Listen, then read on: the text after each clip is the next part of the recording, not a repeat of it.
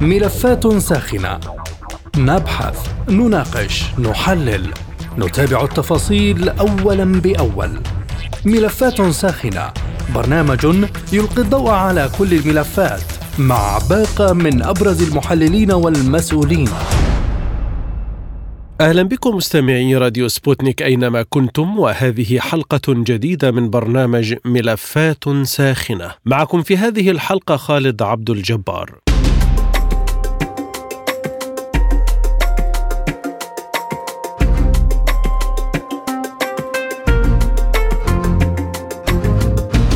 تبنى مجلس الأمن الدولي الأربعاء مشروع قرار لتجديد العقوبات المفروضة على أفراد وكيانات في اليمن لمدة تسعة أشهر بموجب قراره رقم 2140 الصادر في العام 2014 كما وافق على تمديد ولاية فريق الخبراء التابع للجنة العقوبات الخاصة باليمن. وذكر موقع الأمم المتحدة أن مجلس الأمن تبنى بالإجماع القرار رقم 2605 1975 بتجديد إجراءات العقوبات في اليمن حتى الخامس عشر من تشرين الثاني نوفمبر 2023 وتمديد ولاية فريق الخبراء حتى الخامس عشر من كانون الأول ديسمبر 2023 وكان المجلس قد فرض في العام 2014 عقوبات على الرئيس اليمني الراحل علي عبد الله صالح والقياديين في جماعة أنصار الله عبد الخالق الحوثي وعبد الله يحيى الحاكم. أعقبها قرار رقم 2200 2016 في نيسان أبريل من عام 2015 بتوسيع قائمة العقوبات لتشمل زعيم الجماعة عبد الملك الحوثي وأحمد علي عبد الله صالح بتهمة التورط في أعمال تهدد السلام والأمن والاستقرار في اليمن وتشمل العقوبات تجميد الأرصدة وحظر السفر. وأودت الحرب الدائرة في اليمن بحياة الآلاف كما ألحقت بالاقتصاد اليمني خسائر تراكمية تقدر ب 126 مليار دولار في حين بات 80% من الشعب اليمني بحاجة إلى مساعدات إنسانية حسب الأمم المتحدة. نتساءل في هذه الحلقة من برنامج ملفات ساخنة ما نتائج هذا القرار الأممي على الأوضاع السياسية والإنسانية في اليمن؟ وكيف ستتعاطى جماعة أنصار الله مع هذا القرار الذي يعني استمرار اعتبارها جماعة إرهابية؟ وهل ستتأثر المفاوضات بين الطرفين في ظل العقوبات؟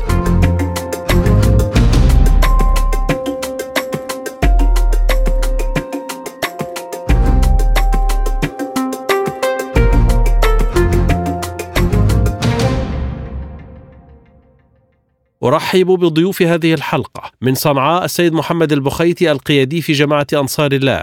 ومن الرياض السيد نجيب غلاب وكيل وزارة الإعلام اليمنية. ومن صنعاء أيضا ينضم إلينا الأستاذ أكرم الحاج الصحفي اليمني. أهلا بكم جميعا وأبدأ معك سيد محمد البخيتي من صنعاء وأسألك كيف علقت إذن جماعة أنصار الله على هذا القرار؟ آه بسم الله الرحمن الرحيم. آه كان على مجلس آه الأمن اتخاذ مثل هذا القرار بحق الدول المعتدية وبالذات قيادات الدول المعتدية أمريكا وبريطانيا وكذلك السعودية والإمارات لا أن يتخذوا مثل هذه العقوبات ضد الضحية. وهذا ومثل هذا القرار هو قرار غير عادل ويهدر من شرعية مجلس الأمن ومن شرعية الأمم المتحدة.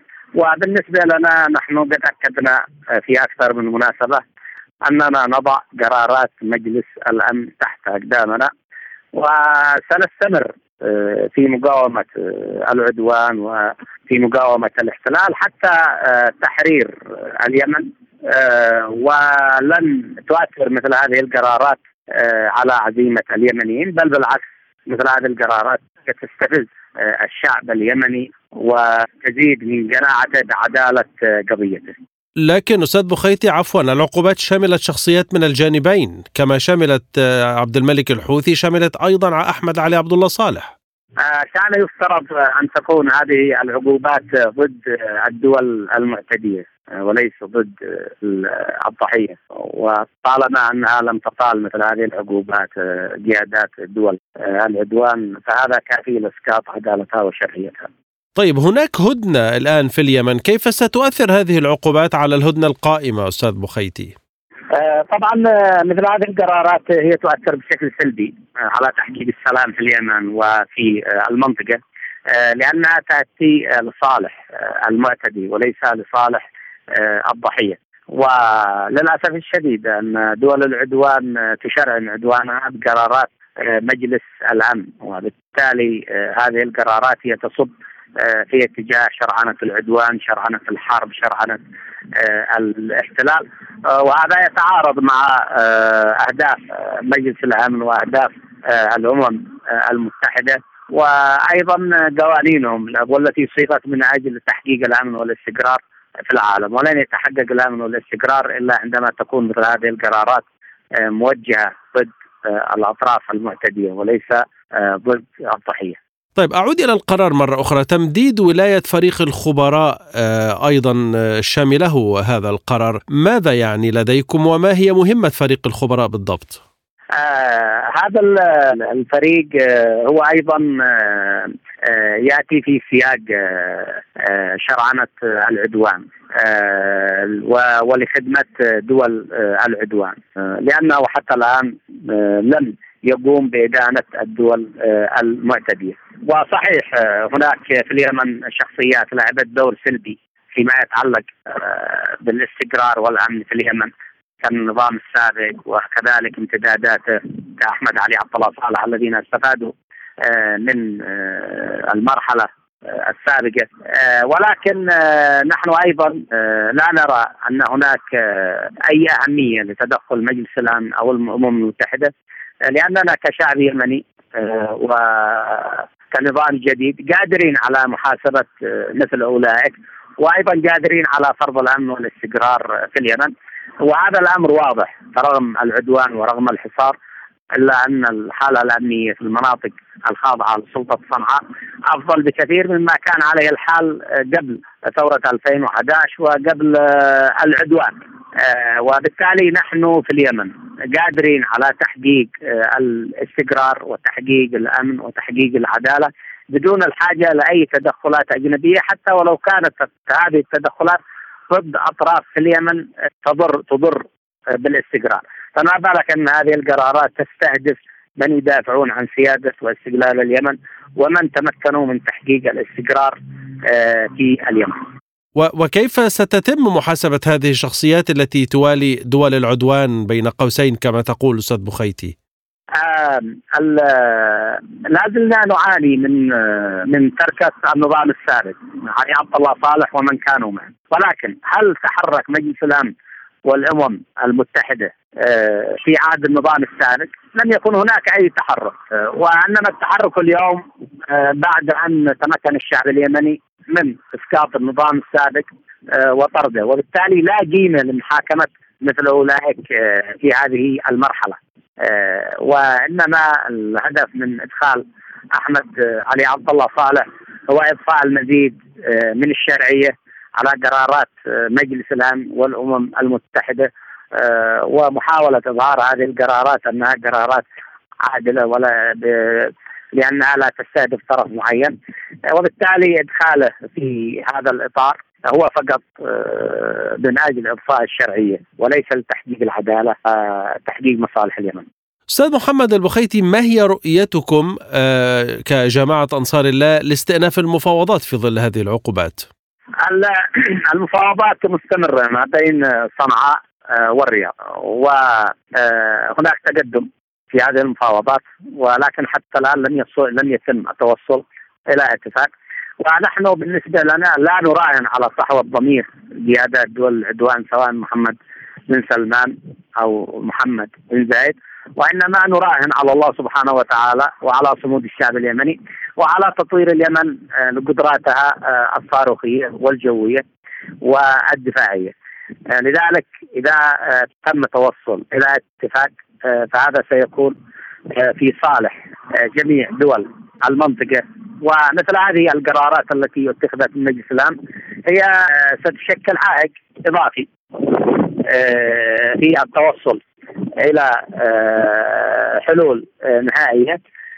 ولكننا نؤكد من خلال هذا المنبر أنه إذا لم يتم التوصل إلى اتفاق وإذا لم تقم دول العدوان بوقف عدوانها ورفع الحصار عن اليمن بشكل آه كامل آه فسيكون هناك جولة عسكرية قادمة وستكون مختلفة لأن الحرب ستكون حرب أعماق حيث سنقوم باستهداف مصادر إنتاج الطاقة في السعودية والإمارات أيضا استهداف الموانئ والمطارات لتوقيفها وإخراجها عن العمل كما فعلوا في اليمن. وبالتالي نحن ظاهر على الله وعلى قوتنا العسكرية. وفي النهاية ستتحقق أهداف اليمن رغما عن أنف دول العدوان ورغما عن أنف مجلس الأمن. لأن مجلس الأمن للأسف الشديد قد أصبح مزاج علني. يقوم بإصدار قراراته آه، لمن آه، يدفع آه، أكثر ولم يعد يراعي الأهداف التي أنشئ من أجلها أضف إلى ذلك أن الأمم المتحدة لا تعمل آه، وفق قوانينها آه، وإنما آه، تعمل وفق إرادة أمريكا والدول المعتدية. أنت أشرت إلى أن المفاوضات مستمرة بالفعل مستمرة وفق أي أسس على أساس اتفاق السويد أم مرجعيات أخرى؟ آه الآن المفاوضات آه من أجل تحقيق آه أحد الهدفين إما هدنة طويلة وشروط الهدنة الطويلة تكون مماثلة لشروط الهدنه السابقة والتي كانت هدنه آه، حيث لابد أن يتم فتح ميناء الحديدة بشكل كامل أمام الحركة التجارية وكذلك مطار صنعاء بالإضافة إلى استعادة إيرادات النفط وتوزيعها على مختلف المحافظات اليمنية بما في ذلك المحافظات المحتلة. أو تحقيق السلام كامل والدائم آه، وفي هذا الحالة لابد من وقف العدوان بشكل كامل ورفع الحصار بشكل كامل وانسحاب كل القوات الأجنبية وتعويض اليمن عما لحق بها من أضرار والكرة في ملعب دول العدوان. إما الاتفاق حول هدنة طويلة الأجل أو آه، تحقيق السلام الشامل والدائم شكرا لك أستاذ محمد البخيتي القيادي في جماعة أنصار الله من صنعاء.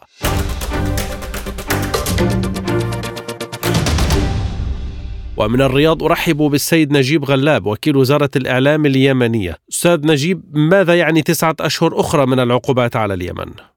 من الواضح أنه الأوضاع في اليمن آه، ما زالت آه، يعني لم تستقر بعد وبما في ذلك الهدنة ما زالت نوعا ما الحرب قائمة والوصاية الدولية أنا أعتقد أنها تستمر من خلال آه، تنفيذ هذه العقوبات وأيضا هي رسالة وبشكل واضح آه للحوثي باعتباره هو من يرفض اليوم أن يسير باتجاه آه يعني تنفيذ ما عليه من أجل تخفيف المأساة الإنسانية. آه ما آه من يقرأ تقرير لجنة العقوبات الدوليه آه سيجد أنه وجه تحذير شديد للحوثية في كافة الجوانب العسكرية والسياسية والاقتصادية والاجتماعية.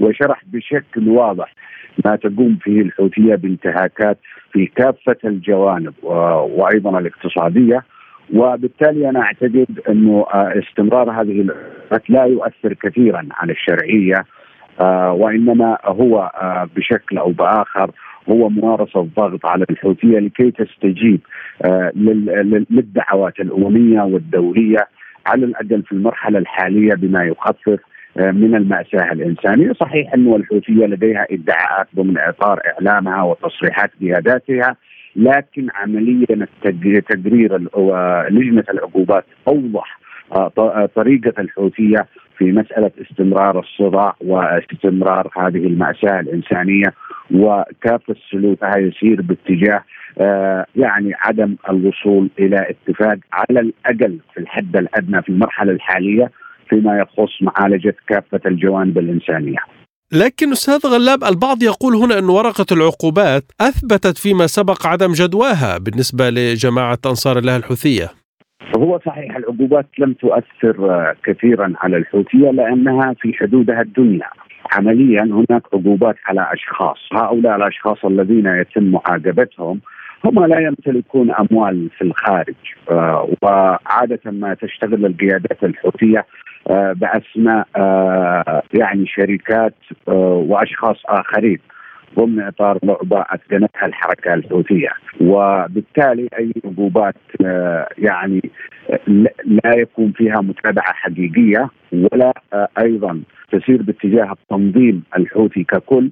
أنا أعتقد إنه لا تأثير لها. هذه العقوبات آه، صحيح أنها كانت غير مجدية في في بداية الأمر وبالذات عندما عوقب علي عبد الله صالح وأحمد علي وما زالت هذه العقوبات مستمرة عليهم رغم أنهم لم آه، يعني الرئيس صالح آه، خمس سنوات ونص يعني استشهد وقتلته الحوثية وما زالت العقوبات مفروضة عليه وكذلك على أحمد علي الذي ظل معزولا عن الصراع لكن عمليا الحوثية لا يتم معادلتهم بالطريقة الصحيحة. عبارة عن شخصيات ورموز والحوثية كتنظيم إسلاموي لديها من القدرة وأيضا خبرتها مع حزب الله ومع إيران أن يتجاوزوا هذه العقوبات لكن هي رسالة بالأخير أن صوت العقوبات سيظل مستمرا وأنا اعتقد أنه جزء من الأدوات التي يستخدمها مجلس الأمن للضغط باتجاه السلام لكن عمليا صحيح أتفق معك أنه لا يؤثر على الحوثية كثيرا لكن آه هذا الحد الأدنى من العقوبات أو من الضغط الذي يمارسه مجلس الأمن على الحوثية. وقد تستخدمه الحوثيه بشكل أو بآخر لتع... لعملية تعبوية داخل التنظيم أن العالم آه، يعني يعاديها ويواجهها وهذا غير صحيح أنا أعتقد أن الأمم المتحدة وكثير من الدول في المنظومة الدولية يسيرون باتجاه شرعنه الحوثيه رغم استمرار العقوبات كيف ستكون هناك مفاوضات بناء على الهدنة القائمة بالفعل في ظل العقوبات المفروضة حديثا أستاذ غلاب؟ لا يوجد هدنة. الآن الهدنة هي قائمه يعني بحكم الأمر الواقع يعني. آه الأطراف كلها آه استنزفت. آه الشرعية أيضا لا تسير باتجاه الحرب في المرحلة الحالية لتخفيف المأساة الإنسانية وكذلك التحالف العربي تحالف دعم وإسناد الشرعية والمجتمع الدولي يضغط لاستمرار هذه الهدنة والحوثي عاجز عن يعني عن أن يخرب هذه الهدنة آه، لأنه أيضا هو استنزف بشكل كبير ويريد إعادة بناء قوته. ولكنه لا يوافق على هذه الهدنة إلا وفق اشتراطات متعددة وذكر آه، التقرير آه، لجنة العقوبات أن مطالب الحوثية غير ممكنة غير ممكنة ومستحيلة أن أن يتم تنفيذها وبالتالي هي تسير باتجاه الابتزاز وإعادة الهدنة. عمليا العقوبات هذه لا تؤثر على المفاوضات، هناك جولات متعددة حصلت يعني في المراحل السابقة منها الكويت التي استمرت لأكثر من أربعة أشهر وبالأخير الأمور يعني وكان في عقوبات، أنا أعتقد آه، أنها لا تؤثر على السير باتجاه السلام، ما يهم الآن في المرحلة الحالية أن يكون هناك ضغوط حقيقية على الحوثية للالتزام بشروط الهدنة بشكل كامل وليس تحويل الهدنة إلى أداة من أدوات دعم الحوثية لوجستيا كما هو قائم آه، آه، اليوم. آه، عمليا لا يوجد ضغط حقيقي على الحوثية ولا يوجد ضمانات معينة أن تلتزم الحوثية بالهدنة حتى لو وقعت عليها. الضغط على الحوثي ضعيف الحوثيه تبتز الجميع بالمأساة الإنسانية الموجودة في اليمن. وأيضا هناك مسار أمريكي واضح ودولي للوصول إلى سلام. لكن هذا من ناحية عملية أنا أعتقد أن هناك معوقات كبيرة وهذه المعوقات هي تأتي من قبل الحوثية، ما زالت الحوثية ترى أنها آمنة ومستقره وأنها مستفيدة كتنظيم مهما بلغت المأساة الإنسانية، وما زالت أيضا إيران تريد الحوثية أن تكون أداة ضغط آه، بيدها في المرحلة القادمة. طيب أستاذ نجيب فيما يتعلق بالوضع الإنساني آه، أرقام الأمم المتحدة تقول إنه الاقتصاد اليمني خسر 126 مليار دولار و80% من الشعب اليمني بحاجة إلى مساعدات إنسانية، كيف سيتأثر الوضع الإنساني آه، بالعقوبات المفروضة؟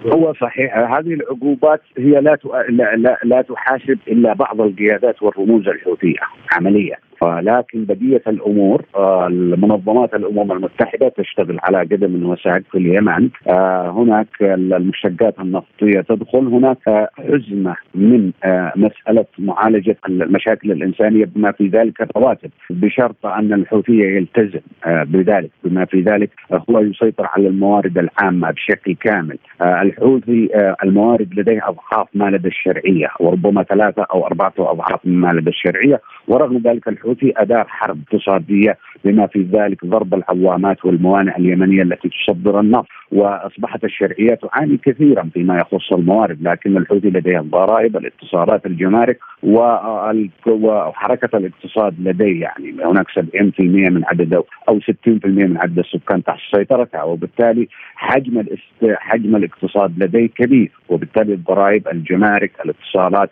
آه، الموانئ آه وهذه الأموال الحوثي يسيطر عليها، صحيح الحوثيه تعاني من مأساة إنسانية كبيرة، لكن الملاحظ انه الحوثي هو من يزداد غنى داخل اليمن كتنظيم وكقيادات، يعني كتنظيم جهازها الموازي ببعدها الاقتصادي آه بعملية سيطرتها على الأرض والعقار، بعملية تراكم الثروه، أصبح غني جدا وربما أصبح أغنى من اليمن كدولة.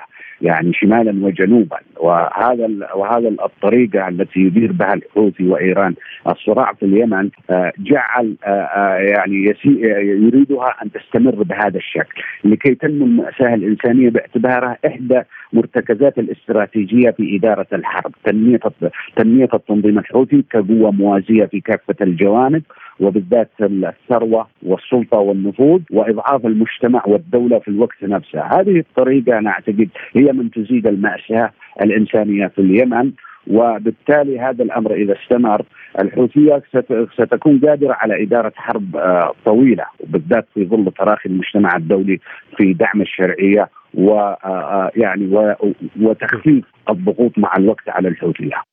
طيب أستاذ نجيب أخيرا أنت ذكرت إيران هنا والبعض يتحدث عن الوضع في اليمن بأنه حرب بالوكالة، لما لا يتم التفاوض مباشرة مع إيران؟ أنا أعتقد أنه إيران آه يعني هي تقول أن لا علاقة لها باليمن آه لكن في حقيقة الأمر ما تحت الطاولة هناك نوع من اللقاءات والتفاوض مع مع مع إيران بشكل أو بآخر. وهناك زيارات متعددة للمبعوثين الأمميين آه إلى إيران لإقناعها. آه، بأن آه، يسير اليمن باتجاه السلام. إيران نعرف أنها تناور آه، كثيرا يعني ولا تتخلى عن أوراقها داخل المنطقة بل تزيد يعني تزيد من بناء قوتهم ودعمهم وما يحصل من تهريب السلاح وبشكل مستمر وذكر تقرير تقرير لجنة العقوبات هذا الأمر بشكل واضح أن أغلب السلاح يأتي من موانئ إيرانية. آه وبالتالي إيران لن تتخلى عن هذه الأوراق لأنها تتعرض اولا لضغوط داخلية هناك ضغط دولي كابل عليها. إيران تعاني من حصار دولي آه واضح تعاني من مشاكل كثيرة وهي ترى أن هذه الأدوات الموجودة في الخارج ما زالت إحدى آه، أدواتها الاستراتيجية لحماية أمنها. وبالتالي التفاوض مع إيران أنا أعتقد أنه يزيد من قوتها. عمليا هل بالإمكان إقناع الحوثي أن يتخلى عن إيران من أجل وطنه؟ من الواضح أن الحوثي على المستوى الداخلي مستفيد وينمي ثروته وقوته آه، وما زال يستفيد من إيران وبالتالي الارتباط بينهم عضوي وكلاهما يستفيد من الآخر. الأهم هل اليمنيين قادرين على مواجهة هذا التكوين والمعسكر الإيراني ومواجهة الخطر الذي آه، يفرضها الحوثي على اليمنيين أنا أعتقد أنه هناك سيولة كبيرة اليوم في هذه المسألة وضعف وبالتالي نحن بحاجه أن يدعمنا المجتمع الدولي آه، آه، وبشكل واضح وأن يرفع الخطوط الحمراء واليمنيين قادرين على إنجاز معركتهم. شكرا لك أستاذ نجيب غلاب وكيل وزارة الإعلام اليمنية من الرياض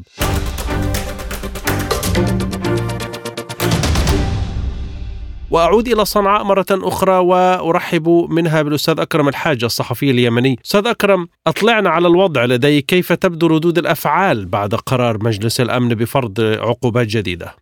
في اعتقادي أن مجلس الأمن هو في الأول والأخير آه، منظمة آه، كثير من الأمور آه، نجد أنها تغرد خارج السرب، في اعتقادي أن في الوقت الذي تمضيه الأمم المتحدة وأيضا الوساطه العمانيه وغيرها من التحركات في إطار حلحله الأزمة اليمنية ذهب مجلس الأمن مغردا كما قلت خارج السرب ليجدد القرارات السابقة على الرغم من أن صنعاء ليست ليست متضرره بأشخاصها أو شخوصها من خلال قرارات مجلس الأمن كون الشخصيات التي استهدفتها استهدفها مجلس الأمن في قراراته هم شخصيات لا علاقة لهم بالمجتمع الدولي ولا علاقه بهم في مسألة أموال وأموال أو مكنوزات أو من هذا القبيل خاصة من ذكروا من ضمن جماعة أنصار الله.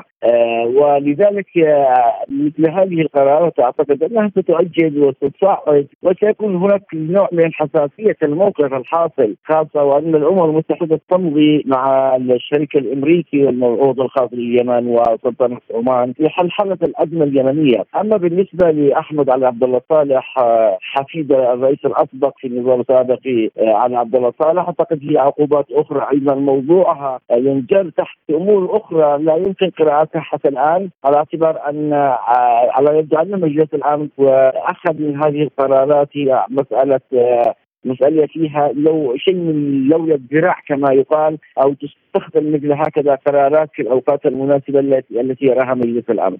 طيب وما هو أفق استئناف المفاوضات في ظل هذه العقوبات؟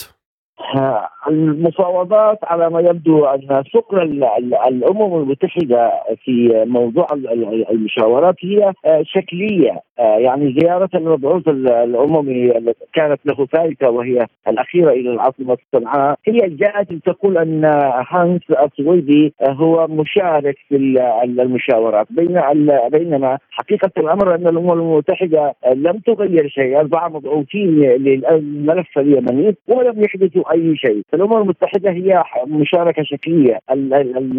المشاورة الجدية والخطوات الجدية في حلحلة الملف اليمني اعتقد كانت هي بفضل الوساطة العمانية آه، كانت لها دور كبير. أيضا إدراك اليمنيين على ما يبدو أن ثمان سنوات من عمر الحرب آه، ثمان سنوات يكفيهم قاتل يكفيهم دمار يكفيهم خراب. ولذلك على ما يبدو أن العقلية اليمنية بدأت تنضج نوعا ما آه، عندما شهدت تلك الكوارث وتلك الجرائم ارتكبت في حق الشعب اليمني ناهيك أيضا إلى المملكة العربية السعودية والإمارات. آه ثمان سنوات من عمر الحرب أيضا السعودية كانت في استهداف واضح لعمقها آه من خلال المسير والبالستي آه من صنعاء وكذا الإمارات. وأيضا في الأول والأخير مثل هذه الحروب هي تمزيق للمكون العربي وخاصة الدول الجوار مثل اليمن والسعودية. آه ولذلك كانت هناك متغيرات كثيرة آه جعلت من أن تكون المشاورات هي خالصة آه من خلال الوساطة العمانية وأيضا آه، رغبة السعودية وأنصار الله وأيضا الشرعية في عدن آه، للتوجه لمسألة حل حركه هذه الأزمة والتوجه إن شاء الله إلى حل مثل هكذا ملف أبكى آه، جميع الأطراف التي شاركت في هذه الحرب.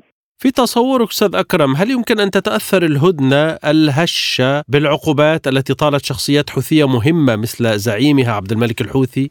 لا أعتقد لن تتأثر لن تتأثر الهدنة أنا قراءتي هكذا لن تتأثر الهدنة ولن تتأثر أيضا المشاورات الحاصلة، لأن كما أسلفت إنه الأمم المتحدة تغرد خارج السرب، فصنعاء أساسا هي ليست متأثرة وعبد الملك بدر الدين الحوثي والقيادات في أنصار الله هم أيضا ليس ليس لهم معنى في هذه العقوبات، لا يمتلكون أموال ولا يمتلكون بنوك أموال في بنوك سويسرا أو خارج اليمن هم آه، لهم فترة معينة ولا أعتقد أنهم سيتأثرون. والقرار وأيضا القرار نفسه نفس القرار الامم المتحدة قرار مجلس الامن هو كان شكلي شكلي تماما. المتضرر أعتقد من هذا القرار هو أحمد علي عبد الله الصالح والبقية في حزب النظام السابق الذين يمتلكون الأموال ويمتلكون رصيد كبير آه، في البنوك في سوق ازرا وغيرها. ولذلك استطيع القول إنه لن تتأثر صنعاء ولن تتأثر شخصيه صنعاء من هذا القرار ولن تتاثر أيضا المشاورات إن شاء الله من تجديد آه، العقوبات.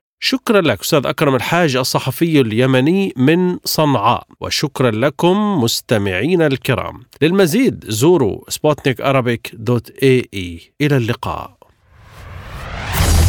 مستمعينا بهذا نصل وإياكم إلى نهاية هذه الحلقة من برنامج ملفات ساخنة. طابت أوقاتكم وإلى اللقاء.